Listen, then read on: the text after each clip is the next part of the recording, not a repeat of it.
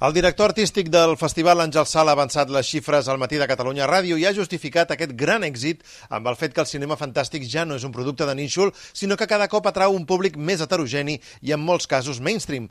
Per això diu que aquest rècord no és una llosa, sinó un incentiu per l'any vinent per seguir superant-se. Pel que fa a l'edició del 2023, és tradició anunciar-ne el leitmotiv a aquestes alçades, però aquest cop ha dit que ho faran diferent i no se centraran en l'efemèride de l'estrena d'una pel·lícula, com enguany ha estat la de Tron, i n'ha donat algunas pistas. Una cosa que mejor ha pasado una mica a la historia, o no, aunque, repite eso, habrá guiños al Exorcista, que cumpleix 50 anys, probablement una coseta de Jurassic Park, Pesadilla antes de Navidad, però probablement el leitmotiv serà una altra cosa. Crec que no estarà vinculat a una retrospectiva, sinó que nosaltres volem lançar un programa de recuperació de títols perduts del fantàstic i del terror i volem a les noves generacions una mica programar en una qualitat excepcional pel·lícules que fa anys que no tenen cap tipus de difusió. A més, Sala ha expressat la seva voluntat d'endarrerir les dates del festival, això ja sí de cara al 2024, per fer-lo coincidir amb la festa de Halloween. A tot això, les últimes hores ha rebut el gran premi honorífic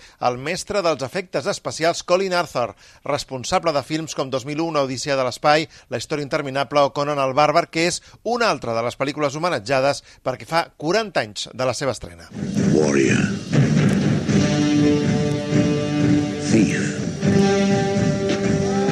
Arthur ha defensat que ell és tant un artista com un artesà, com un enginyer, com sobretot un escultor.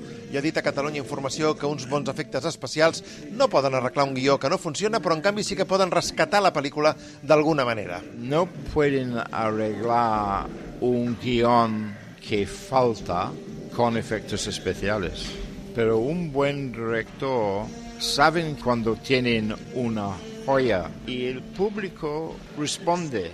Arthur ha explicat com se sent després de rebre el premi. Sitges és un festival especial. Para mí, verdad, es un honor para la significancia. Wonderful to be here, seeing so many friends.